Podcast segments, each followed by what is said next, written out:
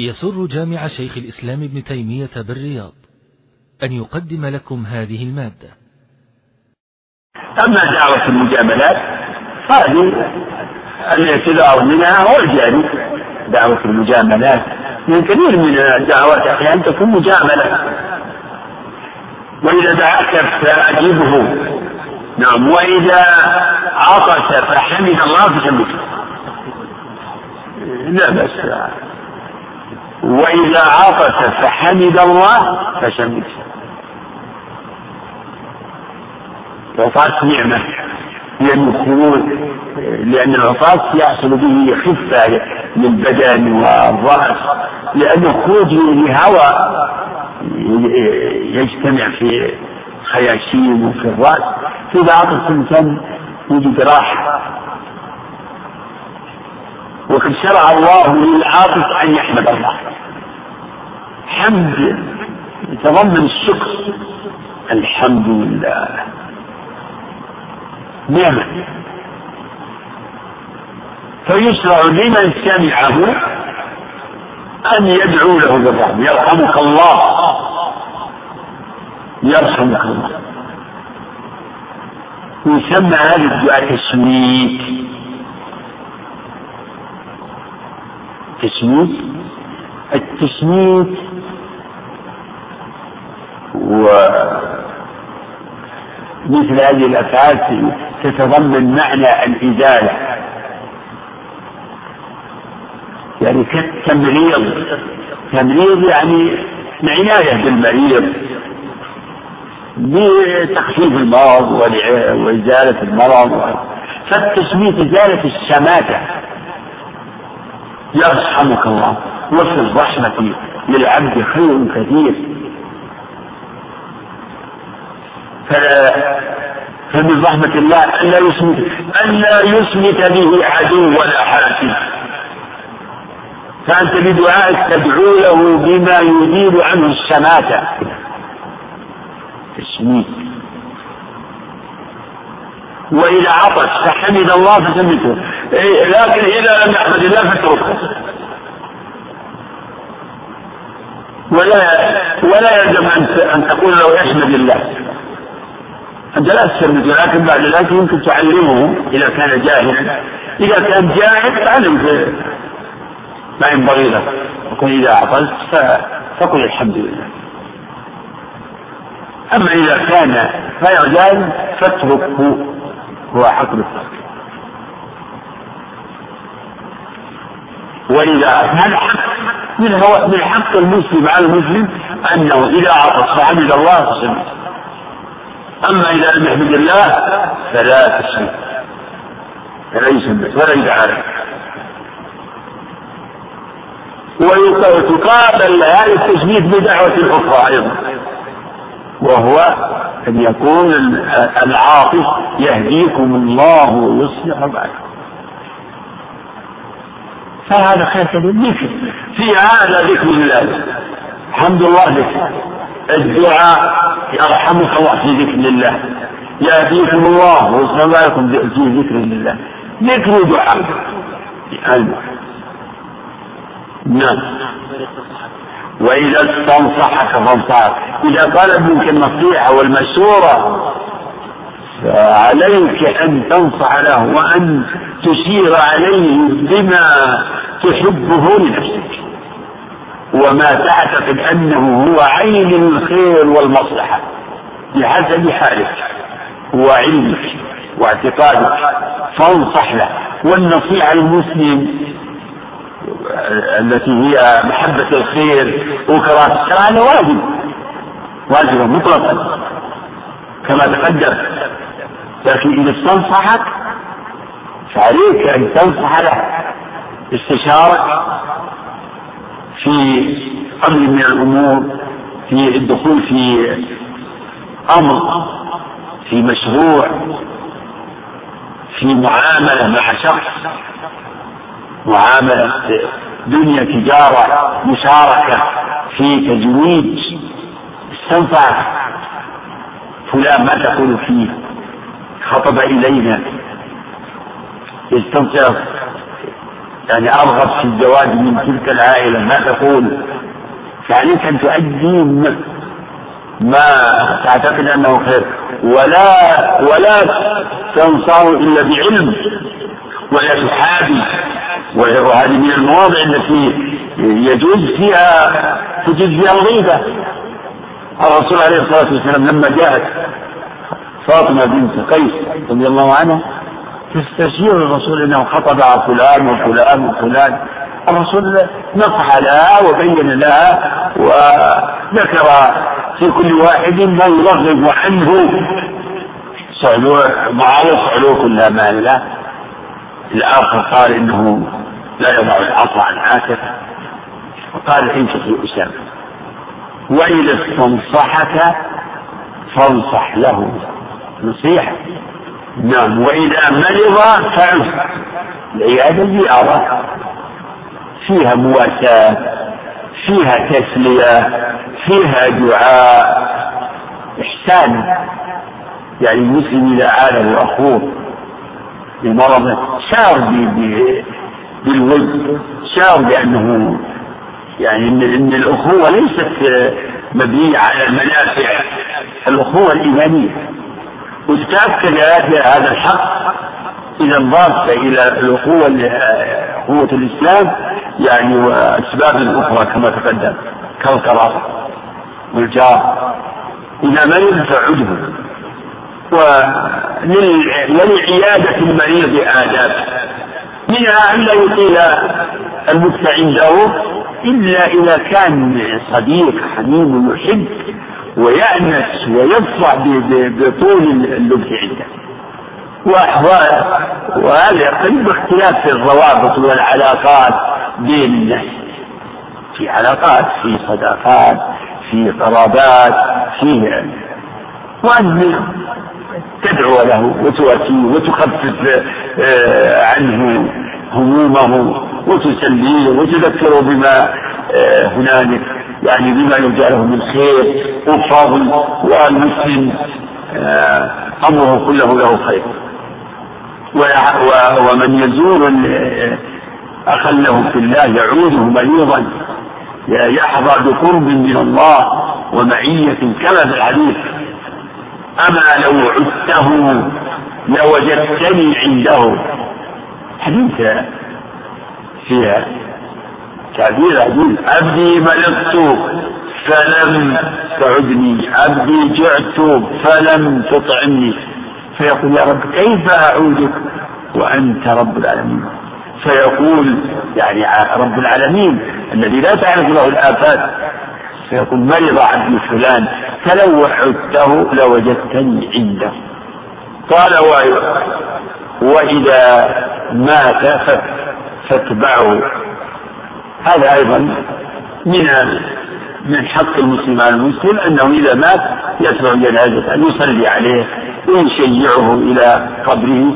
وجاءت الأحاديث الترغيب في ذلك وأن من تبع الجنازة حتى يصلى عليها فله قيراط من الأجر ومن تبع حتى توضع فله قيراط فهذه حقوق في عظيمة عظيمة الأثر في نفوس المؤمنين بعضهم مع بعض. يعني توثق الروابط وتقوي الصلات وتزيل الأحقاد ويحصل بها التأليف بين القلوب ويحصل بها مصالح ويحصل بها بعد ذلك كله الأجور العظيمة إذا كانت بنية صالحة. لوجه الله ينبغي أن تؤدى هذه الأمور. يعني وإن كانت حقوق للعباد لكنها تؤدى ابتغاء مرضات الله. لا خير في كثير من النجوم إلا من أمر بصدقة أو معروف أو إصلاح بين الناس ومن يفعل ذلك ابتغاء مرضات الله. هذا أساسي في حصول الثمرة ابتغاء مرضات الله.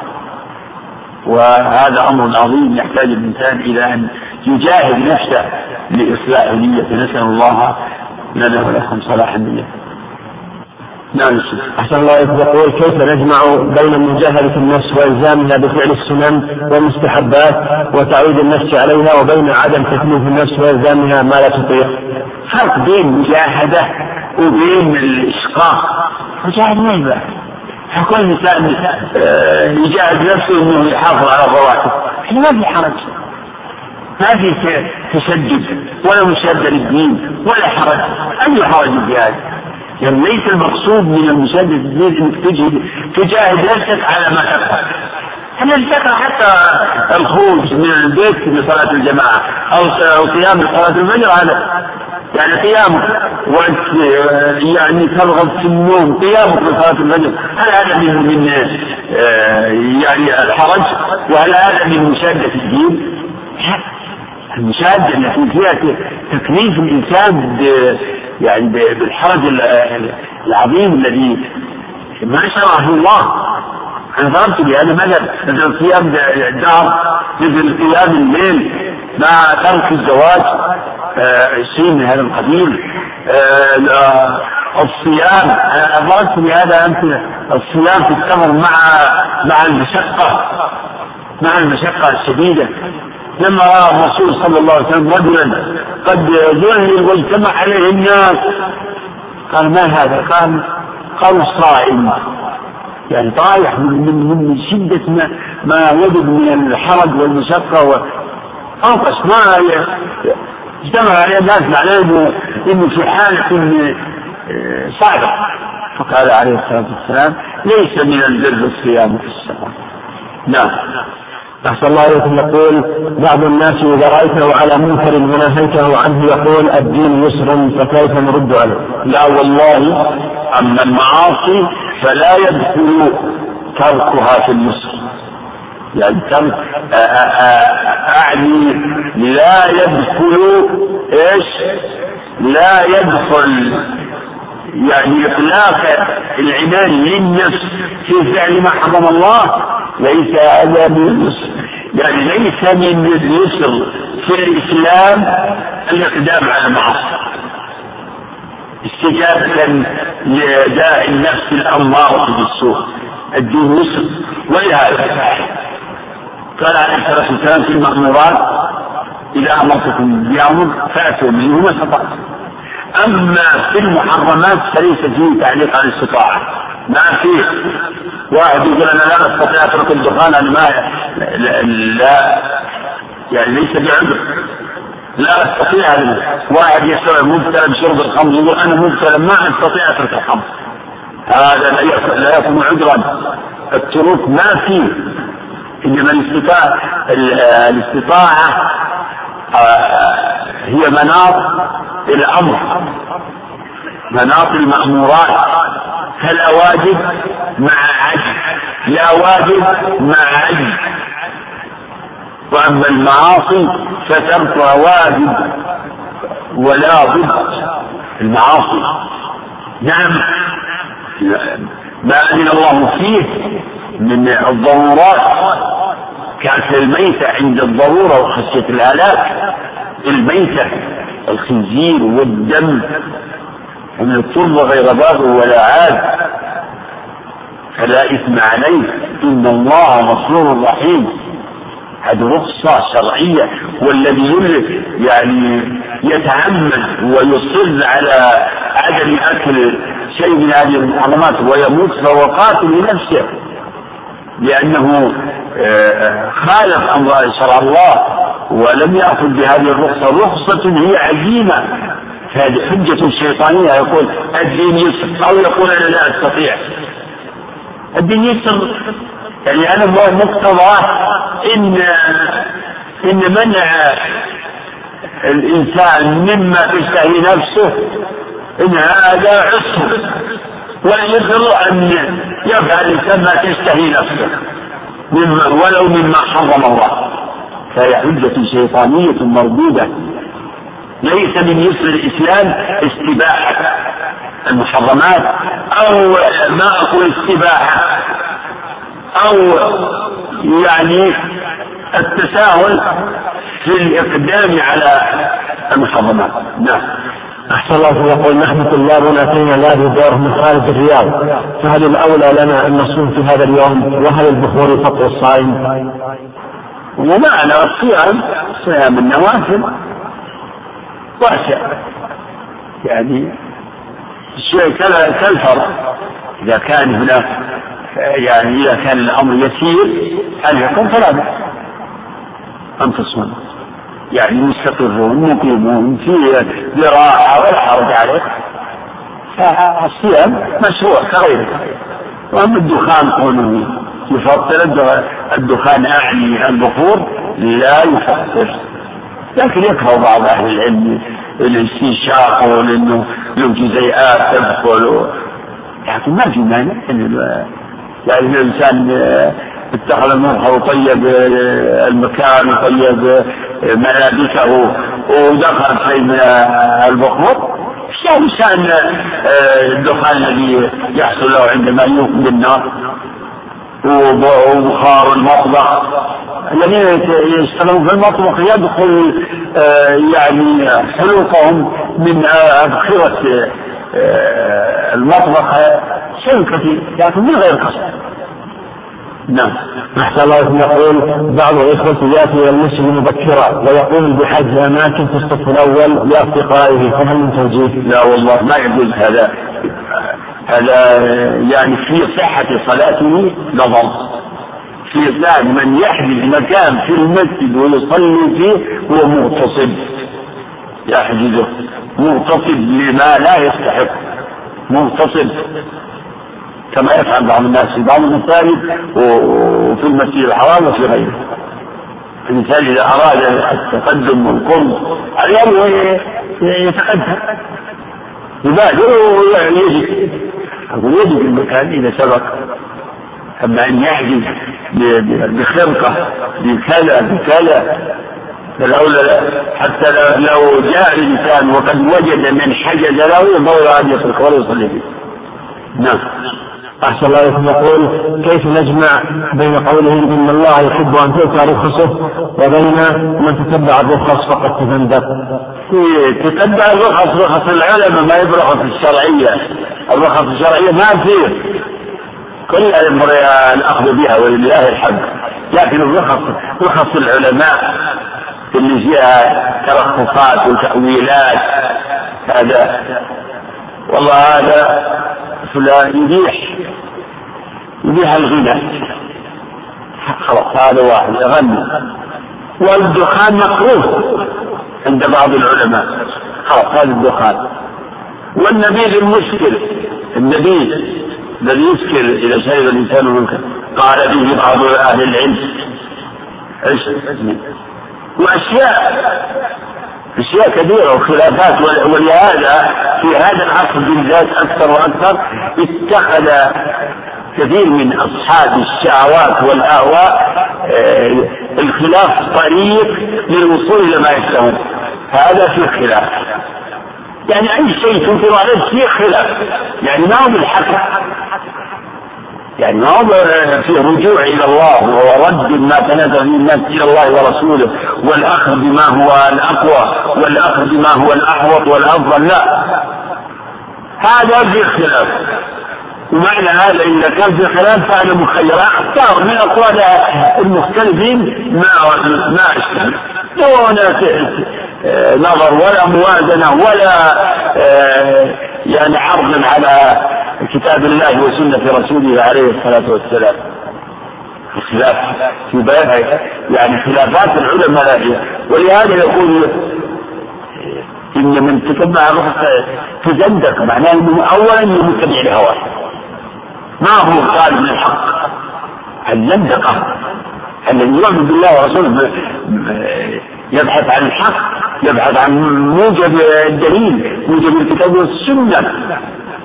ثم إنه يعني إذا تتبع رخص العلماء اجتمع فيه آه، شر كثير أو الشر كله نعم أحسن الله إليكم ورفع قدركم وصلى الله عليه وسلم وعلى آله وصحبه أجمعين. نعم تفضل. بسم الله الرحمن الرحيم. الحمد لله رب العالمين والصلاة والسلام على رسول الله وعلى آله وأصحابه أجمعين. اللهم اغفر لنا ولشيخنا وللحاضرين والمستمعين. برحمتك يا أرحم الراحمين. أما بعد قال المؤلف رحمه الله تعالى وعن أبي موسى الأشعري رضي الله عنه قال قال رسول الله صلى الله عليه وسلم إذا مرض العبد أو سافر كتب له مثل ما كان يعمل مقيما صحيحا. رواه البخاري. الحمد لله وصلى الله وسلم وبارك على عبده ورسوله وعلى آله وصحبه ومن اهتدى بهداه.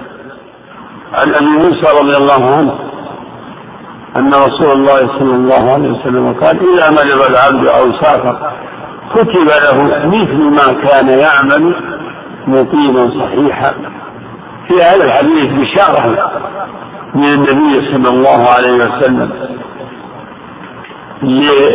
للعاملين بشارة للعاملين بطاعة الله.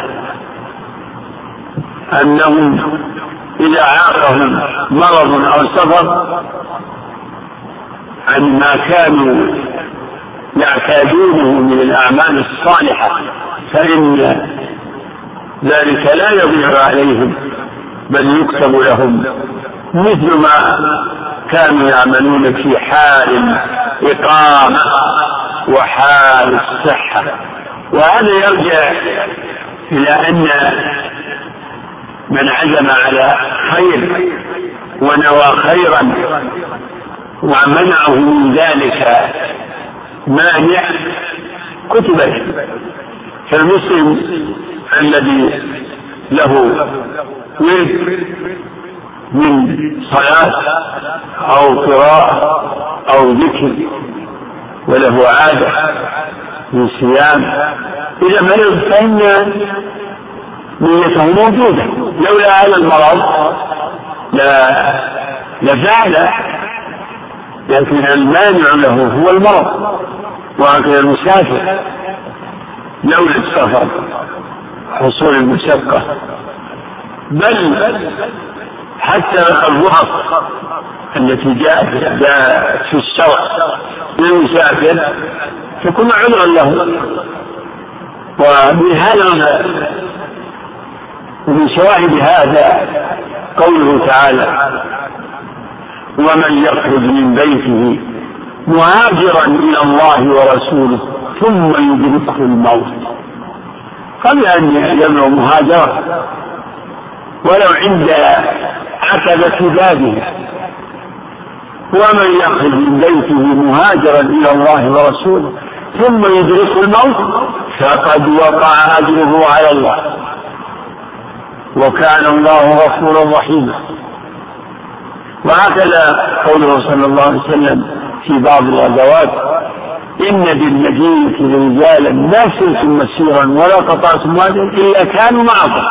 حبسهم فهم معهم برياتهم وهم ولهم مثلهم من الأجر ففي هذا الحديث بشارة لأهل الخير والعمل الصالح. وفيها وفي هذه البشارة ترغيب في اعتياد الخير والعمل الصالح. وفيها تشريع للمؤمن إذا حصل له عائق يعوقه عن ما يحب من فعل الصالحات. فيها تسلية له لأن المؤمن يأسى ويأسف إذا فاته الخير وعاقب عنه عائق. لكن لكن إذا علم أن الله يكتب له مثل ما كان يعمل يوم كان صحيحا ويوم كان مقيما. وفي هذا حث للمسلم أن أن يتعود الخير ويغتنم الفرص فرصة الصحة فرصة القدرة وحال الإقامة. ومعنى ذلك أن أن من لم يكن عاملا في حال صحته وإقامته لا يكون له شيء. من كان لا ينكر مثلا من كان لا يصلي الرواتب مثلا وهو مقيم لا تكتب له إذا كان مسافرا. وهذا على أظهر القولين في أن المسافر لا لا تشرع في حقه الرواتب. ومن كان ليس من عادته أن يصوم شيء النوافل. لا يكتب لا يكتب له شيء من ذلك في حال مرض. لا يكتب له صيام. ولا صلاة لم يكن يفعلها في ساعة وكل مثل ذلك صلاة الجماعة. من كانت عادته التخلف عن صلاة الجماعة. إذا حصل له المرض العائق عن صلاة الجماعة لا يكتب في الجماعة. في أنه لو لو صاح ما صلى هذا عدل هذا عدل من الرب سبحانه وتعالى. ما يقول أنا الآن معذور. بل و ولا يكون مرضه عذرا له في تخلفه عن صلاة الجماعة. بل يكون يعني كحال صحته عليه من تبعة ترك صلاة الجماعة ما عليه حال صحته. ما عليه حال الصحة وتنزيل القصد والنية منزلة العمل هذا وكذلك العديل والعدل منزلة العمل هل يجري في الحسنات والسيئات. فالذي من نيته مثلا أن يعصي الله لولا أنه عاقب العائق ومنعه المانع. فإنه بمنزلة العامل. يشهد لهذا قوله عليه الصلاة والسلام. إذا التقى المسلمان بسيفيهما فالقاتل والمقتول في النار. إلى هذا القاتل أمر ظاهر. فما بال قال إنه كان حريص. حريصا على قتل صاحب ما منع إلا أن أنه ولد إذا مرض العبد أو سافر. ولعل هذا لا لا يختص هذا الحكم بحال بحال المرض والسفر. بل كل من كان يعمل عملا وحصل له ما يعوقه عنه ويمنعه مما اعتاده من الخير فإن الله يكتب له فلأن ذكر المرض والسفر. خرج مخرج الغالب. قد يكون العائق في بعض الأمور الكبر. في بعض الأحوال. ليس المرض بل الكبر. فكذلك الإنسان إذا كان في شبابه وقوته قد تعود يعني عملا صالحا وأنواعا من فعل الخير إذا منعه من ذلك الكبر فإن فإن ما تعوده وكان يفعله يكتب له مثله. بجانب يعني العجز. ولما عندكم الشيخ عبد الرحمن رحمه الله حتى قال إن من كان من عادته أن يفعل عملا. يعني مفضولا لكن اشتغل بما هو أفضل. يعني عرض له عمل عنده أهم أو أهم في الشرع. فإنه يكتب له العمل. عمله ذلك الذي باشره وعمله الذي انشغل عنه بما هو أفضل. الحديث دلالة على كتابة الأعمال. فالأعمال تكتب. الحسنات والسيئات. وأدلة ذلك في الكتاب والسنة كثيرة في آيات كثيرة. كراما كاتبين يعلمون ما تفعلون. إلا كتب لهم به عمل صالح. إلا كتب لهم إذا هم العبد بهذه الحسنة فإن عملها كتبت له حسنة واحدة فإن عملها كتبت له عشر. إلى سبعمائة ضعف إلى أضعاف كثيرة. ومن هم بسيئة فعملها كتبت له كتبت له سيئة واحدة. نعم وعن أبي هريرة رضي الله عنه قال قال رسول الله صلى الله عليه وسلم أسرعوا بالجنازة فإن تك صالحة فخير تقدمونها إليه وإن يك سوى ذلك فشر تضعونه عن رقابكم. وإن تكن وإن يك سوى ذلك فشر تضعونه عن رقابكم متفق عليه. في هذا الحديث الأمر بالإسراع بالجنازة. وهذا يشمل الإسراع في حال حملها بالصلاة عليها ثم لدفنها. ويشمل ما قبل ذلك من التجهيز من من تغسيل وتكفين. ويشمل المعنى ما بعد ذلك من قضاء ما عليه من حقوق وديون وقد نص الفقهاء على ذلك على استحباب إبراد المسلم لأداء ما عليه من ديون لله أو لعباده. أسرعوا بالجنازة. فلا تؤخر. فلا يؤخر تجهيزها والصلاة عليها إلا إلا من عذر. ذكر أهل العلم أنه أن يعني من شك في موته ومات فجأة ينتظر ينتظر به حتى يتحقق من وفاته. وكالتأخير الذي لمصلحته كتأخير ببعض بعض الشيء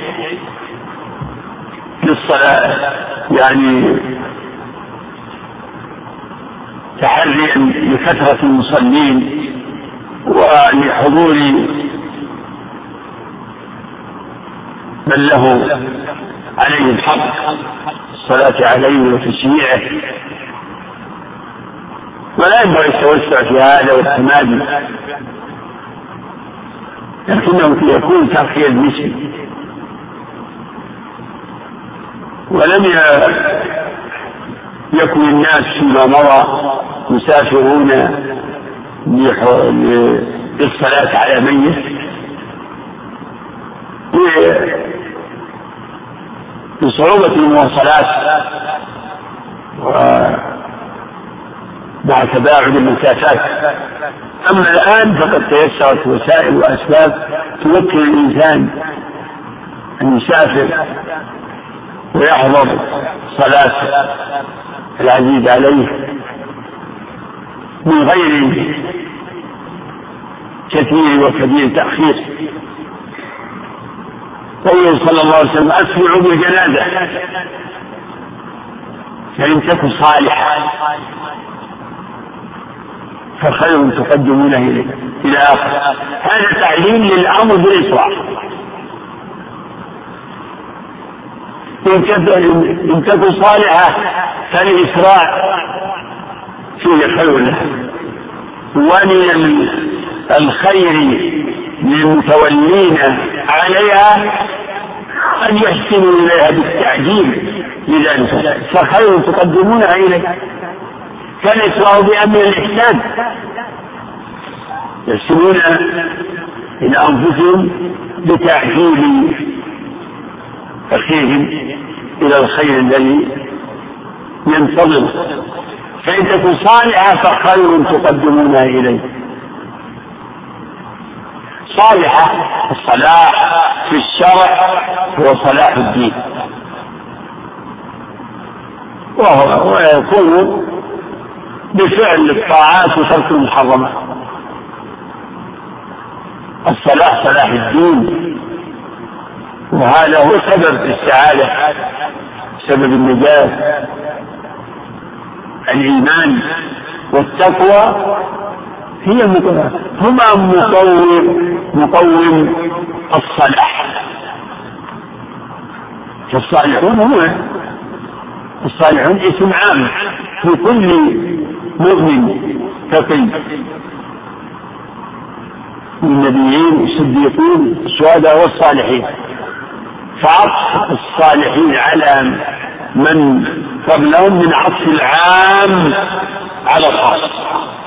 لأن الصالح يشمل كل هذه الطبقات.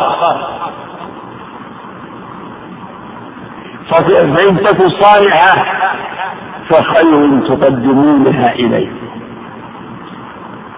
أقول فخير يعني فلها خير. الله أعلم. تكون خبر أو مبتدأ ومدخل فلها خير تقدمونها إليه. أو فأمامها خير تقدمونها إليه. هذا هو المقتضي لتعجيل جنابة المؤمن العبد الصالح. فخير تقدمونها إليه. وإن يكن سوى ذلك يعني إن تكن يعني غير صالحة. وفي هذا الإبهام في كراهة لذكر عدم الفلاح ولم يقل وإن تكن غير صالحة. وإن تكن غير صالحة.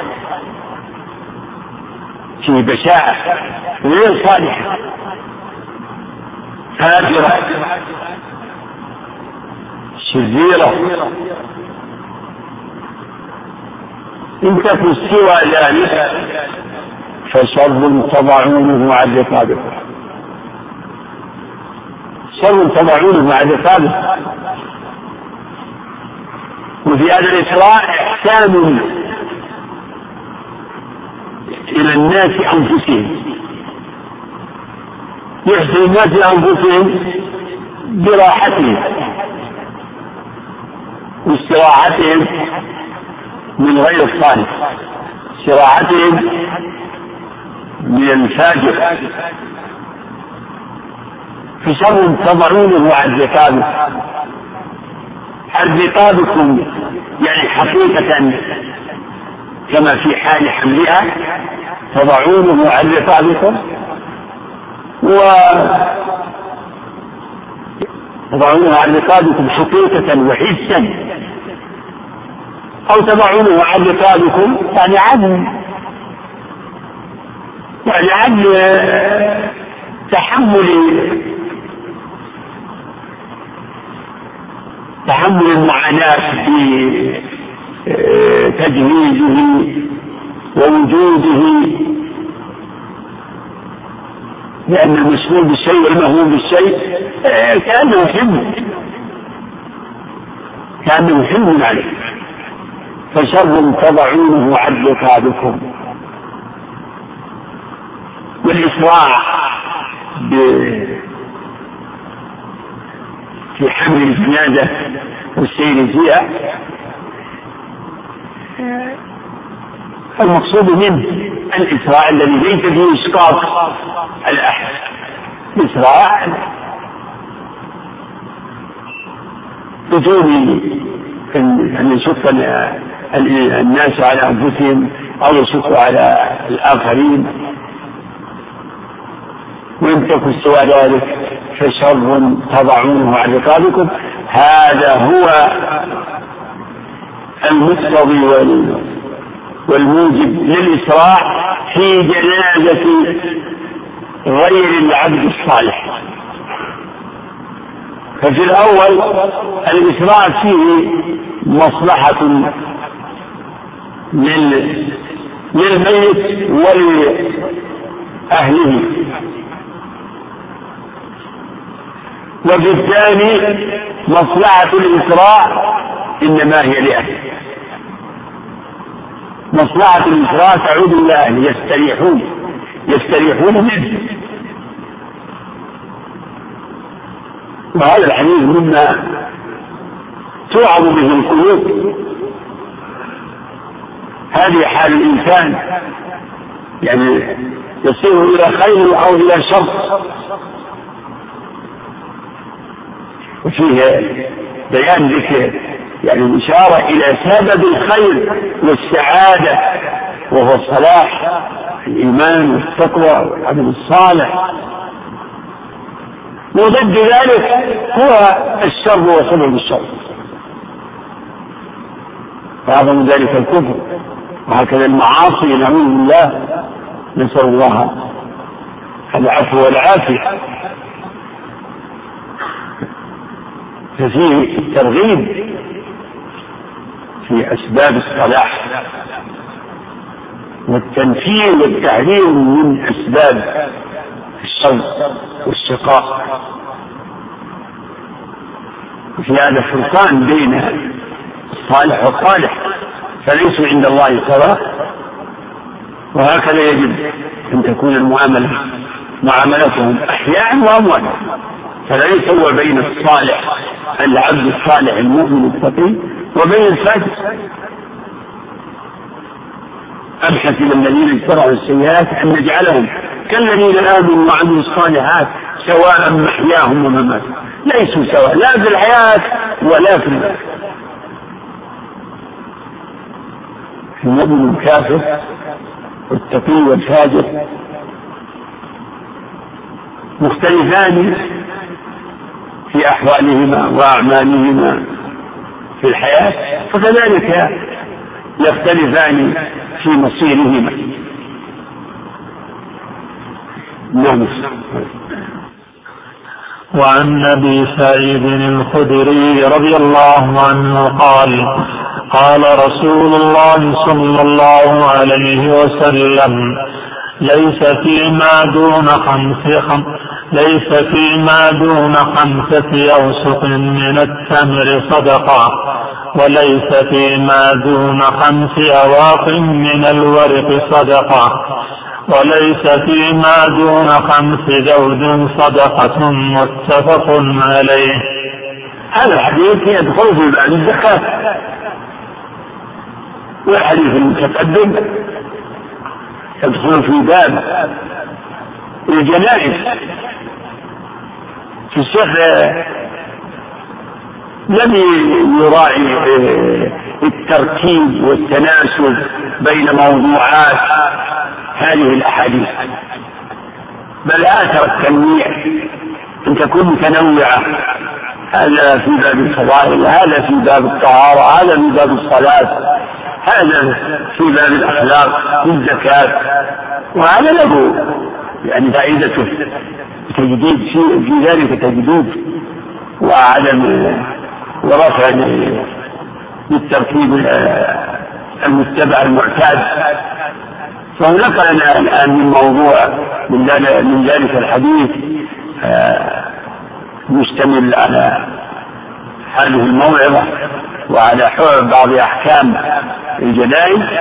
إلى حديث يتعلق ببعض أحكام الزكاه عن أبي سعيد رضي الله عنه قال رسول الله صلى الله عليه وسلم ليس فيما دون خمسة أوسق من تمر فرو من حد ولا تمر. ليس فيما دون خمسة خمسة أوسق من التمر صدقة.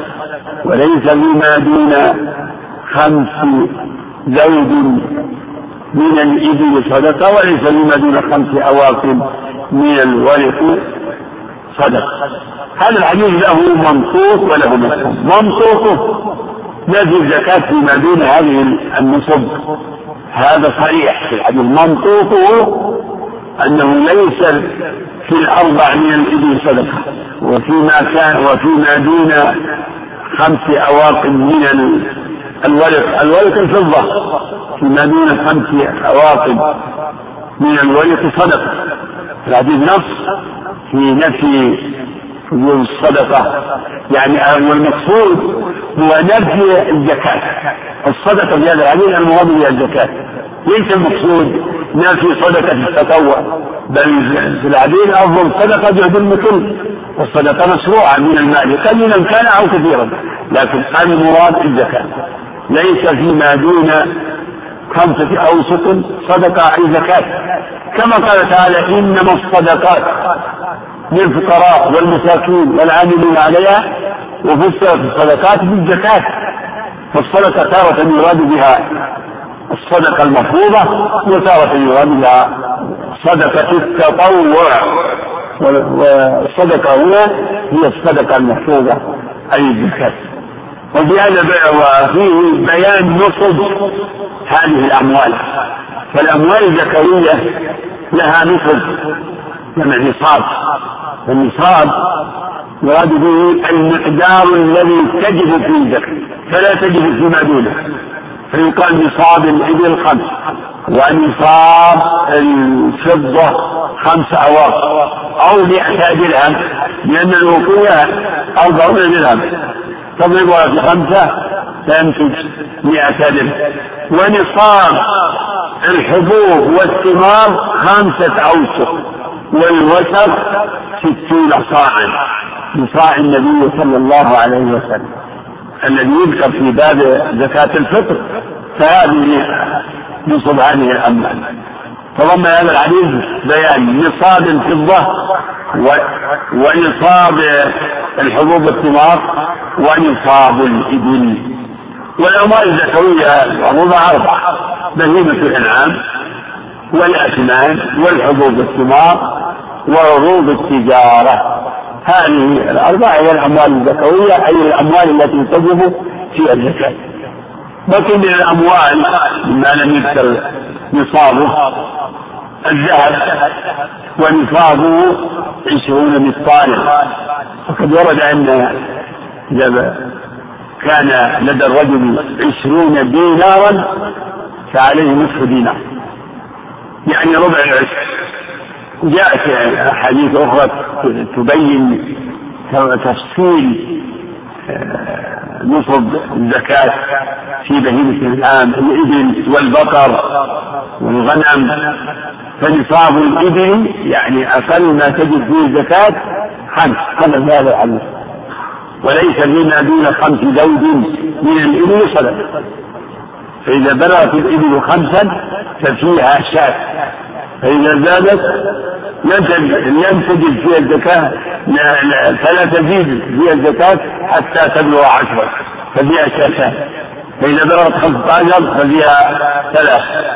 ففي كل خمس شاة. إلى أن تبلغ خمسة وعشرين فيجب فيها بنت مخاض وما تم لها سنة. إلى أن تبلغ ستة وثلاثين ففيها بنت لبون. لأن تبلغ ستة وأربعين ففيها عقة. حتى إذا بلغت إحدى وستين ففيها بنت لبون. إلى أن تبلغ أو فيها جدعة فيها جدعة فإذا حتى إذا بلغت ستة وسبعين ففيها بنت لبون إلى أن تبلغ إحدى وتسعين ففيها حقتان إلى مئة وإحدى وعشرين ففيها ثلاث بنات لبون. ثم تستقر الفريضة في كل أربعين بنت لبون وفي كل خمسين حقة. ففي مئتين أربع حقات أو خمس بنات لبون نصاب الغنم أربعون. فلا تجب الزكاة فيما دون أربعين. إلى مئة وعشرين ففيها شاتان إلى مئتين وواحدة ففيها ثلاث شياه ثم في كل مئة شاة. وفي آه، البقر في كل ثلاثين. نصاب البقر ثلاثون. ثلاثة من الزكاة في المدينة وفيها تبيعة وتبيعة وفي أربعين مسنة. وفي ستين تبيعة تبيعان أو تبيعتان. ثم في كل ثلاثين تبيع وفي كل أربعين مسنة. وما بين المقدارين يسمى عند الفقهاء وقف. يعني هذا لا زكاة فيه. لا تجوز الزكاة بوجوده. والوقف هذا يزيد وينقص بين نصاب ونصاب في الإبل وفي البقر. آه، في الإبل وفي الغنم خاصة في تفاوت كثير. في أربعين شاة وفي ثمانين شاة وفي مئة شاة وفي مئة وعشرين شاة وفي مئة وواحد وعشرين شاة. راح ثمانين دون أن تزيد الزكاة زادت الغنم أو زاد المال ثمانين والفريضة هي هي. إلى مئتين وواحد. إذا الوقت تسعة وسبعون ثم في كل مئة شاة ومعنى ذلك أنه من مئتين وواحدة إلى أربعمائة. ما تزيد الفريضة إلا إذا بلغت أربعمائة. فالوقص كثير. وأما عروض التجارة فهي تابعة للذهب والفضة تقوم عروض التجارة هي السلع المعدة للبيع والذبح. ففيها فتقوم العروض بذهب أو فضة وتزكى بحسب ذلك بحسبها ولا فلا تجب الزكاة في شيء من هذه الأموال الإبل والبقر والغنم والذهب والفضة لا تجب فيها الزكاة حتى تبلغ هذه النصب. ومعنى أنه لا ينعقد الوجوب يعني ما يبدأ الحول فيما في الحول إلا إذا بلغ المال نصابا لا ينعقد الوجوب إلا بعد بلوغ المال النصاب. فمن كان عنده مثلا أربعمائة إبل ومضى عليها وهي في ملك ستة أشهر ثم صارت خمسا ملك خمسا بدأ حول يبدأ الحول من تمام النصاب يبدأ الحول من تمام وهكذا الباقي الذهب والفضة. إنما يبدأ حولها ببلوغ النصاب وأما الحبوب الثمار فلا فيها حول. إنما تجب إذا بدأ صلاح الثمر واشتد الحب ويستقر الوجوب إذا وضع وضع الثمر في البيدر يعني يستقر الوجوب آه، عند الحصاد. كقوله تعالى لقوله تعالى وآتوا حقه يوم حصاده. نعم سؤال هذا وعن أبي سعيد الخدري رضي الله عنه قال قال رسول الله صلى الله عليه وسلم ومن يستعفف يعفه الله ومن يستغني يغنيه الله ومن يتصبر يصبره الله وما أعطي أحد عطاء خيرا وأوسع من الصبر. متفق عليه. هذا الحديث تضمن الحث على أمرين أو على خلقين العفة والصبر. يستعفف ومن يتعفف. يستعفف يستعفف قال صلى الله عليه وسلم من يستعفف يعفه الله ومن يستغني يغنيه الله ومن يتصبر يصبره الله وما أعطي أحد عطاء خيرا وأوسع من الصبر. العفة حبس النفس عن كل ما يلم. كف النفس عن كل مذموم من محرم أو مكروه من قول أو فعل.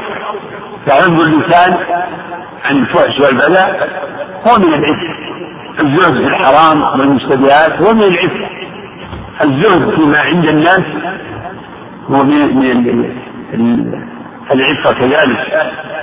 قال الله تعالى للفقراء المهاجرين الذين ناصروا في سبيل الله لا يستطيعون ضربا في الأرض. يحسبهم الجاهل أغنياء من التعفف لا يسألون ولا يتعرضون لا يسألون الناس. قال الله لا يسألون الناس إلحاف بل من تعففهم وإعراضهم عن التعرض للناس يحسبهم الجاهل أغنياء. لا يتعرضون بقول ولا فعل. يسترون حاجتهم. فالجاهل بحالهم معه. يظنهم أغنياء فقول عليه الصلاة والسلام من يستعفف يعني يطلب العفة ويحمل نفسه على العفة والتاء إما أن تكون للطلب من الاستغفر الاستغفار طلب المغفرة والاستغفار طلب العفة وإما أن تكون للدلالة على الكمال السافي والأظهر الأول. يعفه الله أن يجعله عفيفا. فمن يحمل نفسه على العفة ويجاهدها على العفة. يعفه الله يجعله عفيفا ويعينه على ذلك ويجعل القناعة في نفسه. فمن يستعفف يعفه الله. يستعفف عن الحرام من الأقوال والأفعال. والذين جاهدوا فينا لنهدينهم سبلنا. وإن الله لمع المحسنين. ومن يستغني يغنيه الله. فهاتان الجملتان بينهما تقارب. فقول يعفه الله وقول يغنيه الله. فيه أن الجزاء من جنس العمل. فمن يستعفف فالله تعالى ييسر له أسباب العفة. بقناعة يجعلها الله في قلبه. وهداية يعصمه بها عن التعلق بما حرم الله عليه. حتى يهون عليه ترك ما تعفف عنه. ومن يستغني يستغني عن من؟ يستغني عن الخلق. يستغني عن الخلق ويتوكل على ربه.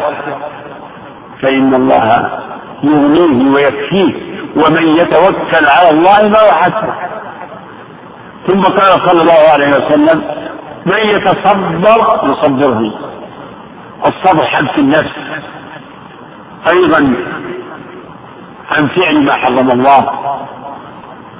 حبس النفس في كل المقامات التي يقتضي الأمر. كف النفس وحبسها عن الشيء وعلى الشيء. حبسها عن الشيء وحبسها على الشيء.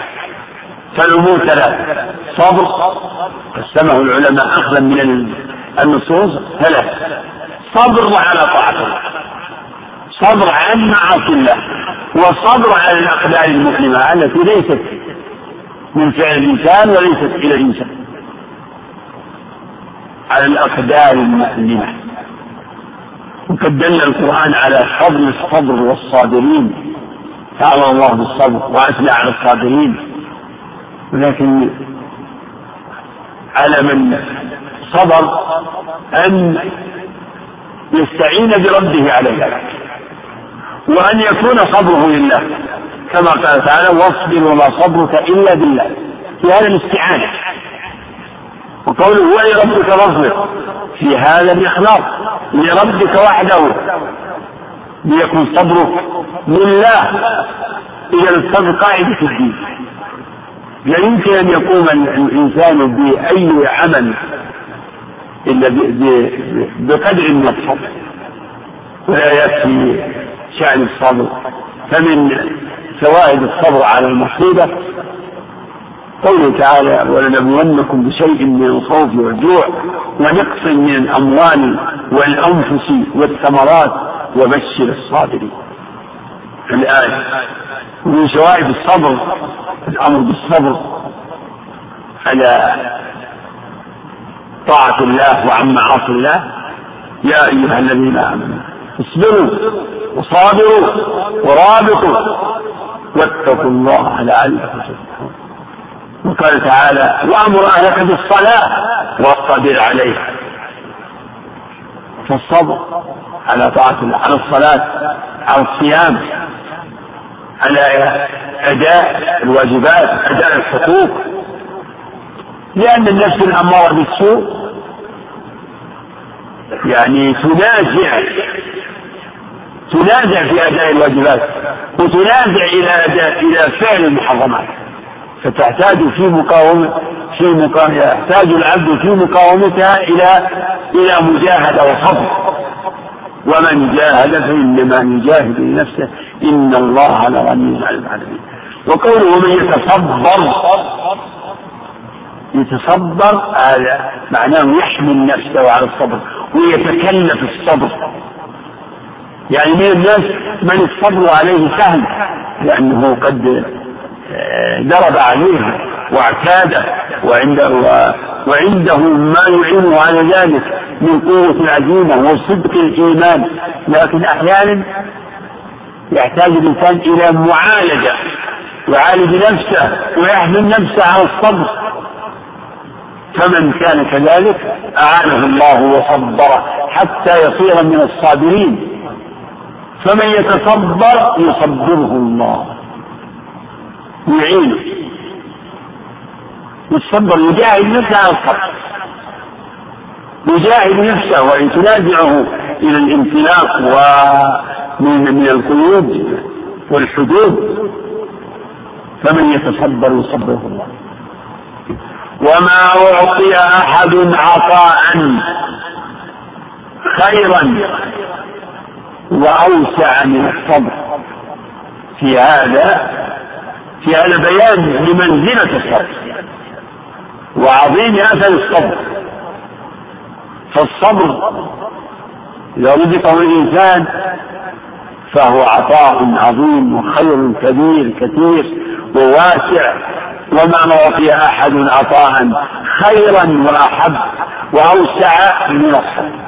الصبر على الأقدار على الفقر على ذهاب الأموال والأنفس. الصبر فمن لم يكن من لم يعطى الصبر فاته أخي. لم يؤدي واجبا ولم يمتنع من حرم من محرم ولم كذلك يطق مصيبة. الصبر. وما أعطي أحد عطاء خيرا وأحب إلى الله من الصبر. فالصبر هو قوام القيام بدين الله. فالعلم أصل. وثمرته العمل. والعمل لا يحصل إلا بالصبر. بل إن تحصيل العلم باعتبار فاعلته الصبر. فالصبر أولا وآخرا ومن شواهد فضيلة الصبر قوله تعالى وجعلنا منهم أئمة يهدون بأمرنا لما صبروا وكانوا بآياتنا يوقنون. فأصل اليقين هو العلم الراسخ ولا يتحقق القيام بموجب هذا العلم واليقين إلا بالصبر. واليقين من حوامل الصبر مما يحمل على الصبر. اليقين والإيمان مما يعين على الصبر. ولهذا قال بعض السلف أخذ من هذه الآية بالصبر واليقين تنال الإمامة في الدين وهذا مطلب لعباد الرحمن وجعلنا للمتقين إماما. والله أعلم. صلى الله عليه وسلم نعم شيخ زمان يقول فضيلة الشيخ إذا كان من عادة صيام الاثنين والخميس وجاءني ضيف إذا كان من عادة صيام الاثنين والخميس وجاءني ضيف فمن أجل ذلك أفطرت وهل يكتب لي صيام ذلك ذلك نعم. تفضل. لو أن رجلا فضيلة الشيخ لو أن رجلا اعتاد فعل المنكر اعتاد فعل المنكر في الصحة ومنعه المرض وهل يأخذ الحكم في حالة الصحة؟ هذا هو الظاهر ما دام عازما عليه إلا أن يحدث له ندم.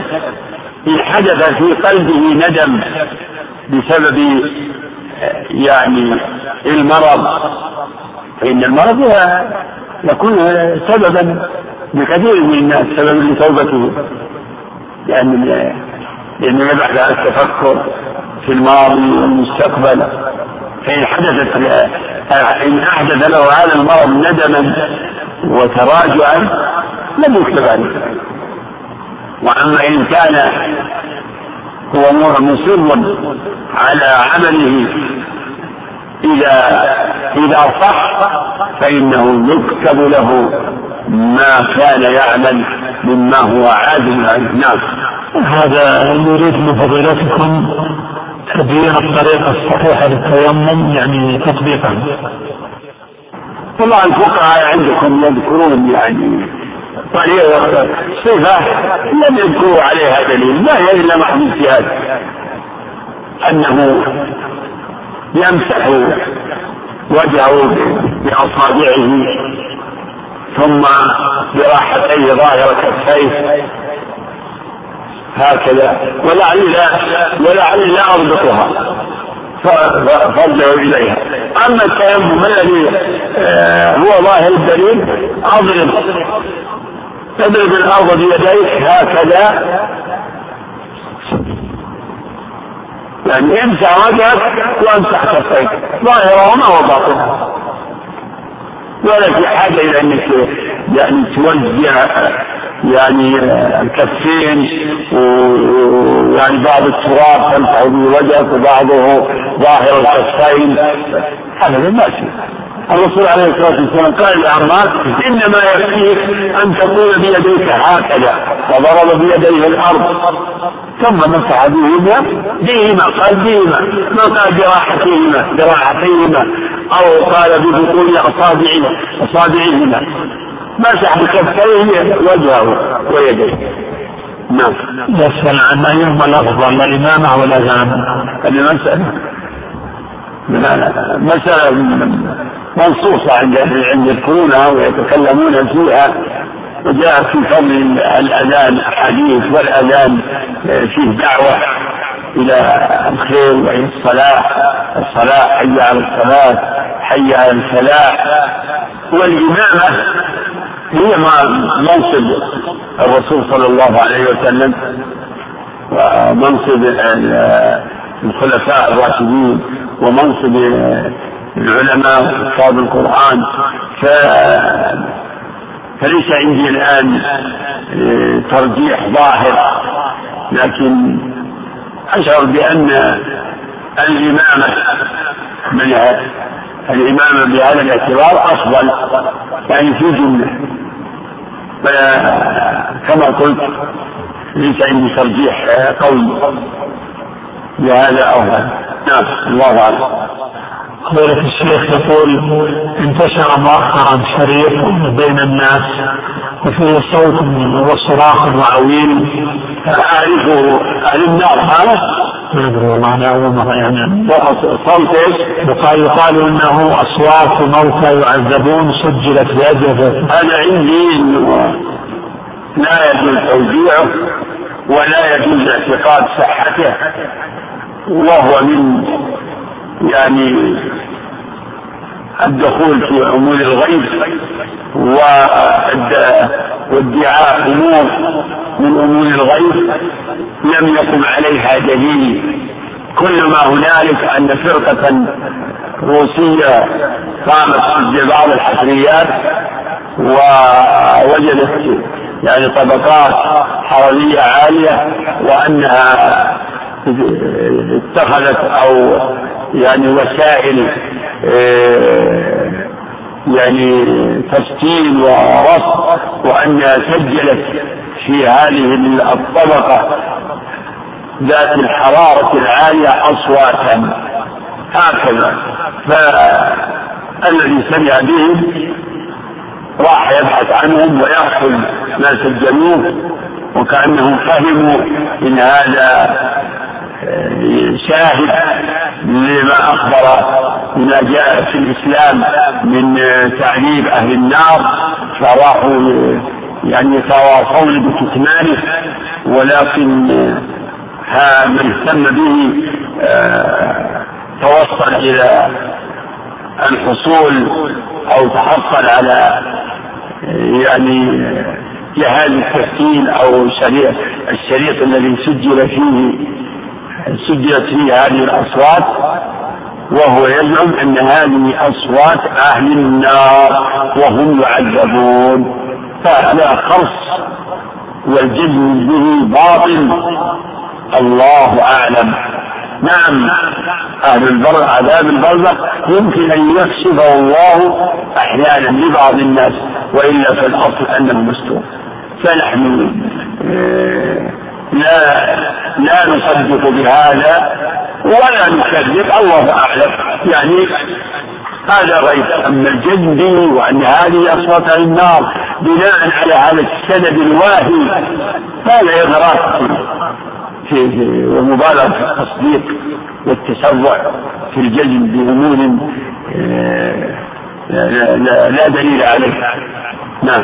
فضيلة الشيخ يقول من المعلوم أن مالك بن حويرث رضي الله عنه كان وفوده على النبي صلى الله عليه وسلم في السنة التاسعة من الهجرة. يعني بعدما بلغ عمر النبي صلى الله عليه وسلم ستون سنة. أي أنه كبر في السن. نعلم نعلم المقصود السائل. جلسة الاستراحة. الرسول ما استثنى. ما قال له إلا ترى جلسة هذه للكبر. فصلوا كما رأيتم يصلي كان كان المفروض أن يقول الرسول إلا أن الجلسة. المسألة أنا عندي أنها داخلة في عموم صلوا كما رأيتموني أصلي. وأنها سنة. نعم. فضيلة الشيخ يقول ذكرتم أن شفاعة النبي أن أن المقام المحمود هي الشفاعة. وفي بعض الكتب تذكر أن المقام المحمود لا ما تذكر أن المقام المحمود. تذكر أن من المقام المحمود أن يقعده الله تعالى معه على العرش. وإلا فشفاعته في هذا الموقف هي المقام المحمود بالاتفاق. ما في يعني قولان لا. والأول اتفق عليها والثانيه آه، نقل بعض أهل العلم اتفاق على السنة على يعني أيضا على اثباته على إثبات ما ورد في الآثار وهو لم يرد لم يثبت فيه حديث صحيح فيها آثار لكن أهل السنة تلقوها بالقبول. نعم. فضيلة الشيخ يقول رجل عنده من المعز عشرين وعشرين من الغنم هل فيها زكاة؟ أي نعم المعز والضأن اسمهما واحد وهو الغنم. يعني يضم نصاب الضان أو يضم يضم آه، ما كان من الضان إلى ما عنده من المعز فيكمل النصاب. فهما جنس واحد. نوعان لجنس واحد. كالعراب والبخات والبقر والجوانيس. نعم. يقول أيضا عنده أربعمية عنده أيضا أربعين من الغنم لكنه يعلفها ويسقيها لا لا زكاة فيها شرط وجود الزكاة في الغنم والإبل والبقر أن تكون سائمة. نعم. إلا أن تكون للتجارة. يعني الغنم معلوفة إذا كانت للتجارة فهي عروض تجارة. نعم. فضيلة الشيخ يقول عندما أسهو في صلاتي وسبح لي المأمومون هل أكبر تكبير غير التكبيرة التي قبل الصعود؟ لا. نعم. فضيلة الشيخ يقول هل تختص صلاة الجماعة بجماعة المسجد؟ أم أن أي جماعة تصلى في أي مكان تعتبر جماعة وتؤجر جماعة؟ لا الجماعة التي يجب تجب الإجابة إليها هي الجماعة الراتبة. لكن ما فاتته الجماعة الراتبة فليحرص على أن يصلي جماعة مع آخرين. نعم. فضيلة الشيخ يسأل عن صحيح التيمم هل هو مبيح أو رافع؟ والله هذا هكذا يذكر العلماء هذه المسألة. منهم من يقول رافع ومنهم من يقول لكن الصواب أنه رافع إلى وجود الماء. رافع للحدث إلى وجود الماء. وهذا يقتضي إن الحدث لم يرتفع لأنه لو كان رافعا مطلقا كالماء لما وجب الوضوء بعد وجود الماء. لكن الخلاف لفظي. إن قلنا إنه مباح إلى وجود أنه مبيح إلى وجود الماء. أو رافع إلى وجود الماء فلا مساحة. أما من يقول إنه مبيح ويرتب على قوله إنه مبيح إنه يتقيد بالوقت ويبطل بخروج الوقت. وما وما تيمم له وإذا تيمم لعبادة لم يصلي به ما هو أعلى منها. كمن تيمم لنافلة لا يصلي به فرضا. كل هذا ليس بمستقيم مع ظاهر النصوص وأن وأن التيمم قائم مقام الماء قائم مقام الوضوء والغسل والتراب قائم مقام الماء عند عدم. ف فإن قلنا أنه مذيع إلى وجود الماء أو رافع إلى وجود الماء يكون الخلاف لفظي الأمر فيه سهل. مذيع إلى وجود الماء رافع إلى وجود الماء ويشهد أو يشهد لقول من يقول إنه رافع أن الرسول صلى الله عليه وسلم سمى التراب طهورا طهور مطهر يعني ان المتيمم طاهر. فإذا قلت إنه مبيح معناه إنه ليس بطاهر لكن تباح له الصلاة. تباح له الصلاة وهو غير طاهر. الحديث فيه أنه طهور التراب طهور معناه أن المتيمم إذا يكون طاهرا بتيممه فإذا وجد الماء انقطع إجزاء هذه الطهارة. فهي طهارة نعم. طهارة مؤقتة. يمكن نسميها طهارة مؤقتة إلى وجود الماء. نعم. فضيلة الشيخ يقول يريد أحد الأشخاص أن يأخذ زكاة ماله ويفتح بها بيت الزكاة في مصر ويتاجر في هذا المال. لا لا لا يجب أن يؤدي الزكاة إلى اهلها يوصلها لاهلها الفقراء والمساكين. نعم. يقول السؤال قبل الأخير يقول ما المنهج السليم الذي عليه السلف الصالح في التعامل مع ولاة الأمر؟ سبحان الله سبحان الله. المنهج السليم في التعامل مع ولاة الأمر اسمع وأطاع بالمعروف. و واعتقد إمامتهم ما داموا مسلمين إذا كان ولي الأمر مسلم فيجب اعتقاد إمامته واعتقاد السمع والطاعة له بالمعروف. والنصيحة كما تقدم لكم النصيحة لهم لهم بمحبة الخير وصلاح الحال وبالدعاء له. هذا هو المنهج السليم. وبترك الخروج عليه خلافا لأهل البدع. نعم. السؤال الأخير هذا من استراليا السؤال يقول كيف يكون الرد على الذين يقولون بأن الله ليس فوق سبع سماوات حيث يستدلون بآيات قرآنية ويقولون أن الله أقرب من حبل الوريد وهو في الأرض وفي السماء؟ وكيف يكون الرد على من يخوض في التفكير في صفات الله عز وجل؟ وكيف يكون الرد على من يخوض في التفكير في صفات الله بأن له يدين أو قدمين وجزاكم الله خيرا من استراليا لا إله إلا الله وحده لا شريك الأصل أن على العبد الإيمان بالله وملائكته وكتبه ورسله. ومن الإيمان بالله الإيمان بما أخبر الله به ورسوله.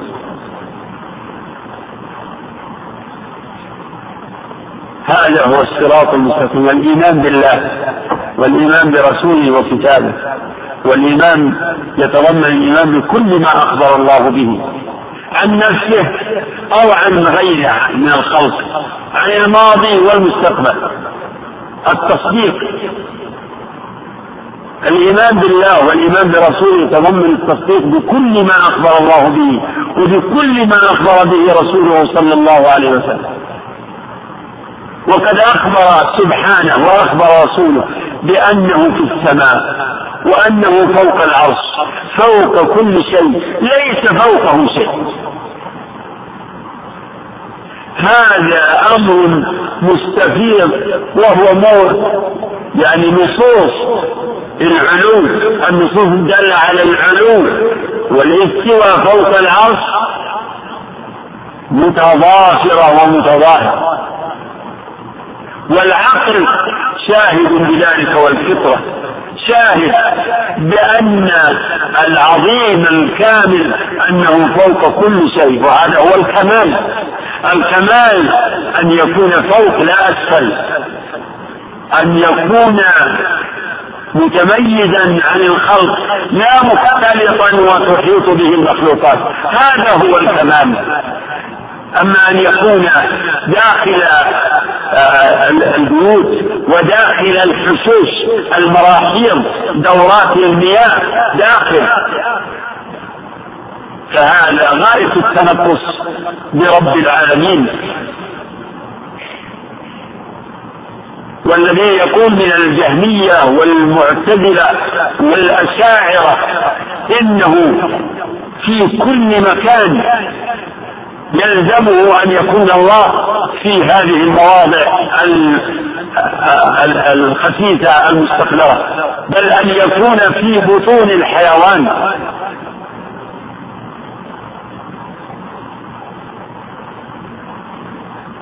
وأنه تزيد ذاته وتنقص بزيادة هذه المخلوقات ونقصها تعالى الله.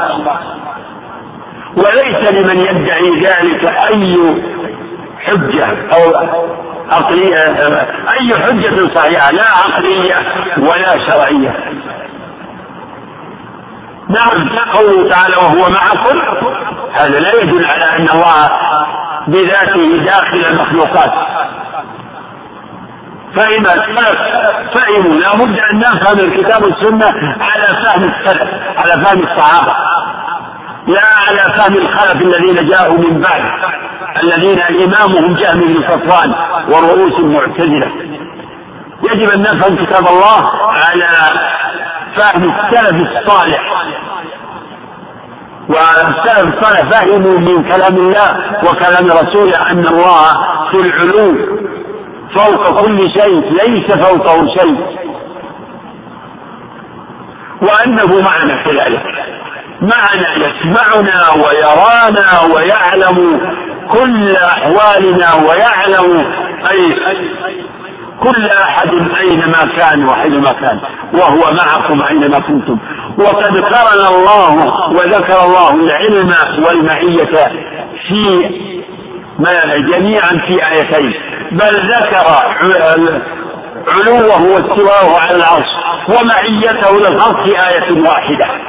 جمعهما. هو الذي خلق السماوات والأرض في ستة أيام.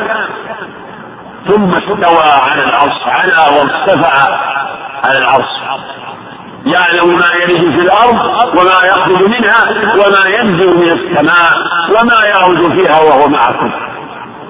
فلا منافاة بين وصفه بالمعية ووصفه بالعلو.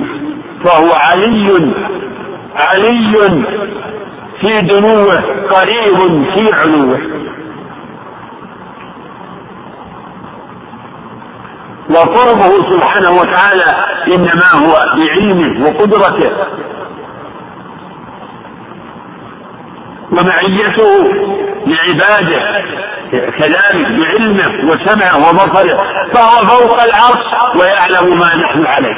فوق جميع المخلوقات ويعلم سرنا وعلانيتنا. يعلم أحوال العباد. وما هم عليه وفي أي مكان. وهو معكم أينما كنتم. ما يكون من نجوى ثلاثة. إلا هو رابعهم. ولا خمسة. إلا هو سادسهم.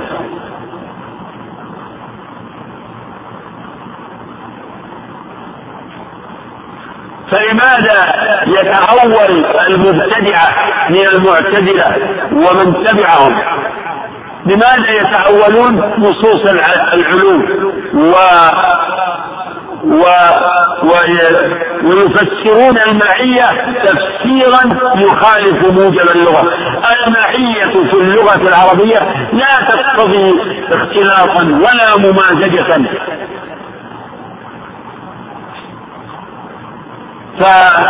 فهذا القمر يقال له إنه مع المسافر وغير المسافر. القمر بعيد. يقول ويقول القائل نسير والقمر معنا.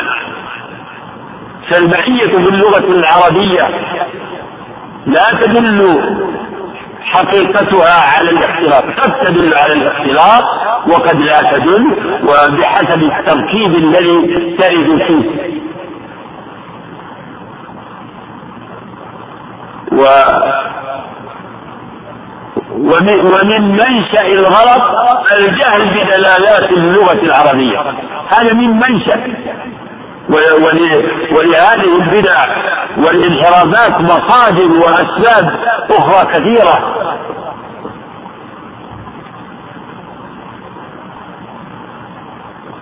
فمن أعظم التنقص إلى رب العالمين نفي العلو عنه.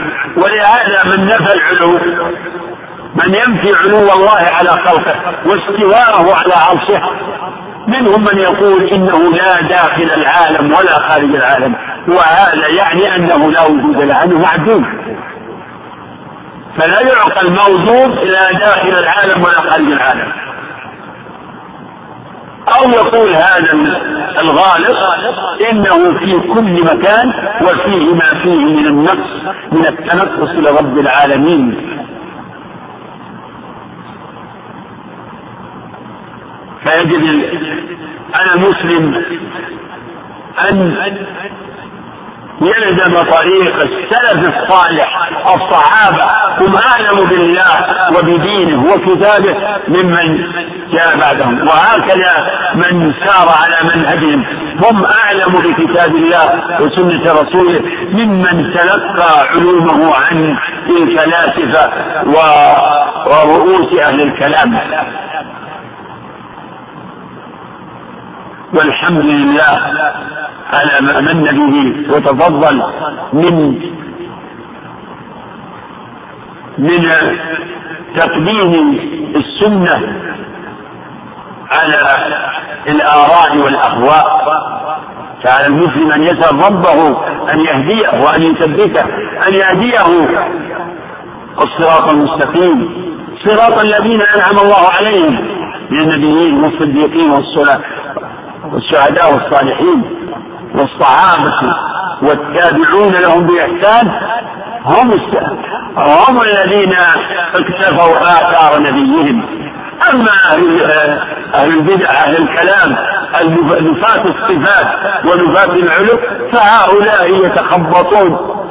منهم أهل التجهيل والتفويض ومنهم أهل التأويل فهم في حيرة في ريبهم يترددون وفي حيرة وفي ظلم شديدة. فعلى المسلم أن يحذر من التعصب بل عليه أن يطلب الحق من مصدره من كتاب الله ومن سنة رسوله على فهم السلف الصالح. والله أعلم. شكر الله لفضيلة الشيخ على ما قدم وجعله في موازين حسناته. والسلام عليكم ورحمة الله وبركاته.